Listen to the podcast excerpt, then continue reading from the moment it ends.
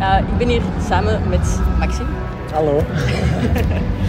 Oké, eh, Maxime, jij komt hier optreden op uh, de Gentse feesten. Klopt. Heb je er zin in? Ik heb er zeker zin in. Het is de allereerste keer dat ik hier mag optreden, dus dat is fijn. Oké, kijk. Oké, je hebt ook een, een nieuwe single uit, Allee, al een tijdje. Die is keigoed aan het scoren. Hoe, hoe voelt het? Ja, dat is natuurlijk altijd wel leuk. Uh, dat dat goed onthaald wordt door de mensen. Ik hoop dat mensen ook vandaag gaan meezingen, uh, gaan meebrullen en vooral gaan meefeesten. Dus dat komt allemaal goed. Oké, het is voor u ook in, in snel tempo gegaan eigenlijk, naar zo die bekendheid. Um, was dat raar in het begin?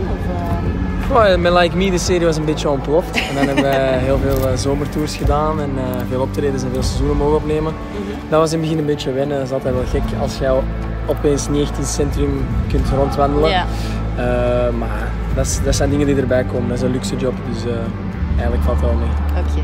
Ja, we hebben een podcast, Zachtmoedig. Dat gaat over mentale gezondheid bij jongeren. Um, hoe vinden jongeren hun weg naar hulp? Omdat het vaak zo één chaos is in waar kan ik terecht.